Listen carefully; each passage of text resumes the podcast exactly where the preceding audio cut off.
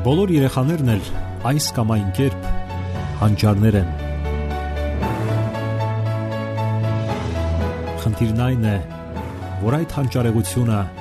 այս կամ այն կերպ ի հայտ բերվի։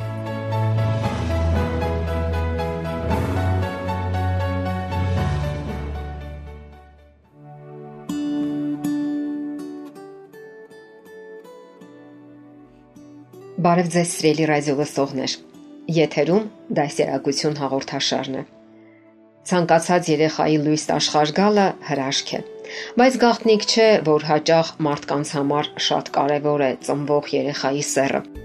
Ասենք միանգամից, որ սա նախապաշարում է, ավանդական մտածողություն, ազգային առանձնահատկություն եւ պարզապես նվաստացուցիչ վերաբերմունք կանանց սեռի հանդեպ որ այսօր դա հիմնախնդիր է նաև Հայաստանում, դա փաստ է։ Պտղի սեռով պայմանավորված հղիությունների ընդհատումը կամ աբորտների թիվը բավականաչափ խոսուն է եւ նույնիսկ ծրագրեր են գործի դրվել կանխելու այդ բարբարոսական վերաբերմունքը։ Աբորտը ինքնին արդեն դաժան երևույթ է։ Իսկ երբ ի հավելումը դրա պայմանավորվում է նաև սեռով, ապա խոսքերն ավելորդ են ավելորդ են, որովհետև գերադասել մի սեռին մյուսից նշանակում է դեմ գնալ աստվածային նախասահմանվածությանը։ Բնության մեջ մարդկային հասարակությունում ամեն ինչ փոխկապակցված է։ Մեկի ավելցուկը եւ մյուսի պակասը արդեն հիմնախնդիր է։ Աստծո համար եւ Աստծո մոտ գոյություն ունի մարդ արարած հասկացությունը, էություն հասկացությունը։ Նրանք այդ տարբեր սեռերը ստեղծված են միմյանց փոխլրացնելու համար։ Նրանք հավասար էակներ են, հավասար էություններով։ Եթե տարբեր են ֆունկցիաները, ապա դա դեռ ոչինչ չի նշանակում։ Նրանք այդ տարբեր էակները այնքան հրաշալի ու ներդաշնակ են արարված, որ լրացնում են միմյանց։ Իսկ երբ միաբանվում են ամուսնական կապերով, ապա արդյունքում շարունակվում է մարդկային սեռը։ Միաբանության արդյունքում ծնվում է երեխան, ով շարունակում է մարդկության ծննդաբանությունը։ Ահա թե ինչու այդ ֆոնի վրա նույնիսկ ցիծաղաշարժ է հնչում, թե ով է ավելի գերադասելի։ Եվ այսպես մարդիկ փորձում են ծրագրավորել ամեն ինչ, նույնիսկ երեխայի սեռը։ Նրանք պատրաստվում են, անուններ են մտածում, սննդակարգեր են մշակում, պատկերացնում, թե ինչպես են մեքենա գնում, զբոսնում տղայի հետ եւ այլն։ Եվ հանկարծ մեծ հիասթափություն։ Ծնվում է աղջիկ։ Այս ամենը միայն լրացուցիչ ծանրաբեռնվածություն է, թե ծնողների եւ թե ապագա երեխայի համար։ Ընթունված է մտածել, որ տղաներն են, այսպես ասած, ծխեցնում օջախի ծուխը, սակայն տրամաբանական հարց է առաջանում. իսկ ում միջոցով։ Եվ վերջապես անցել են այն ժամանակները, երբ ծանրաբեռնվածությունը ընկնում էր միայն տղաների վրա։ Փաստերը այսօր միանգամայն այլ պատկեր են բացում մեր առաջ։ Պարզվել է, որ ծերանոցներում բնակվողների մեծ ամասնությունը տղա երեխա ունի, իսկ ահա աղջիկները ամենայն պատասխանատվությամբ հոգում են տարեց կամ անպաշտպան ծնողների կարիքները։ Հետաքրքիր է, որ նույնիսկ գոյություն ունեն սնահավատ պատկերացումներ կամ հավատալիքներ, թե ինչպես անեն, որ տղա ծնվի կամ ինչպես անեն, որ աղջիկ ծնվի։ Ասենք բարձի դակ դնում էին կացին եւ հույս ունեին, որ պետք է տղա ծնվի, որpիսի կացնով գործ անի։ Կամ տղա ունենալու համար հարկավոր է շատ միս ուտել, Կամ ասենք, եթե կինը տգեղանում է, ուրեմն աղջիկ է ծնվելու, իսկ եթե գեղեցկանում է, ապա տղա է ծնվելու։ Նույնիսկ այն կարծիքն էր իշխում, որ տղան ծնվում է ըստ արժանինքների, իսկ աղջիկը որպես մեղքերի հատուցում։ Ինչքան էլ ծիծաղաշարժ լինի, սրանց հավատում էին եւ այս օրինակ մտածողությունը դառնում էր լուրջ հիմնախնդիր տվյալ երկրի կամ ազգության համար, հատկապես ասիական երկրների համար։ Չինաստանում եւ նույնիսկ Հնդկաստանում սեռը որոշելու համար արվող սոնոգրաֆիայից հետո աբորտների թվականակը մեծապես աճում է։ Ասենք, որ պատահականություններ չկան։ Հարկավոր է միանգամայն խաղաղ ընդունել երեխայի սեռը։ Մեծամասնությունը այդպես էլ անում է։ Պատահականություններ չկան։ Եթե տղա է ծնվում, դուք որոշակի խնդիրներ եք լուծում։ Եթե աղջիկ է ծնվում, դուք մի այլ տեսակի խնդիրներ եք լուծում Ամեն ինչ բնության մեջ, ինչպես նաև հասարակական կյանքում եւ ընտանեկան կյանքում կարգավորված ու ներդաշնակ է։ Նաև մարդու անհատական եւ անձնական կյանքում։ Այնքան էլ թեթև չեն տղայի հետ կապված հիմնախնդիրները լուծելը։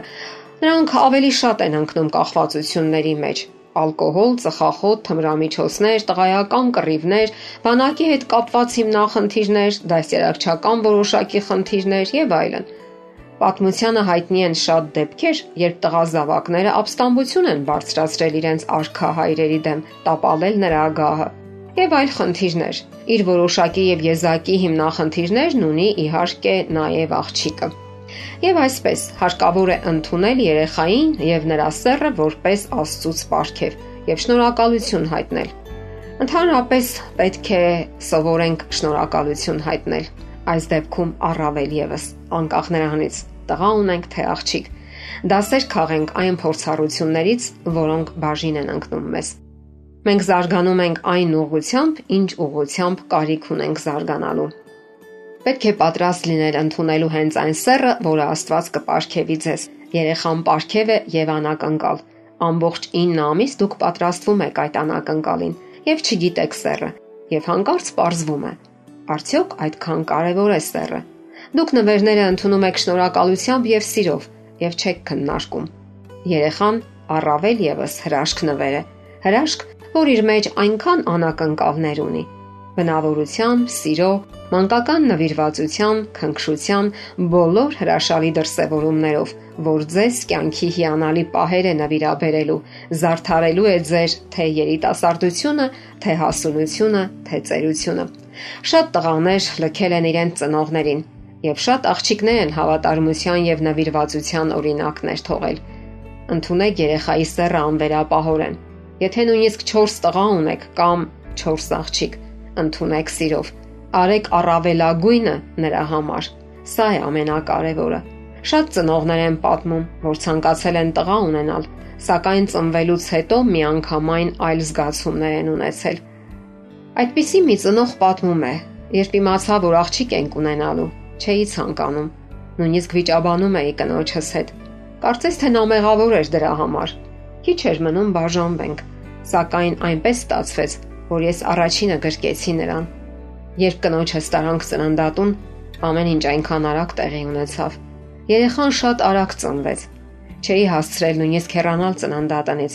Եվ ահա տվեցին գիրկս։ Ես նայեցի նրան։ Մի զույգ կապույտ աչուկներ ինձ էին նայում, այնքան անմեղ ու պայծառ արտահայտությամբ, կարծես մի ամբողջ տիեզերք բացվեց իմ առջև։ Ես չէի կարողանում զսպել հուզմունքս։ Նաև մեղավորության զգացումս։ Ես 40-ամյա տղամարդս կանգնել էի հիվանդանոցի միջանցքում ու լացում էի։ Ես հայր էի դարձել եւ այն էլ այսպիսի հրաշքի։ Դե ինչ, երեխան հայտնվել է։ Ընթունեք նրան գրկաբաց եւ սիրեք այնպիսին, ինչպիսին կա։ Սա է կարևորը։ Սիրելի ռադիո լսողներ, եթերում դասերակցություն հաղորդաշարներ։ Ձեզ հետ է Գեղեցիկ Մարտիրոսյանը։ Ձեզ ուզող հարցերի համար կարող եք զանգահարել 093 00 63 27 կամ 094 93 55 77 հեռախոսահամարներով։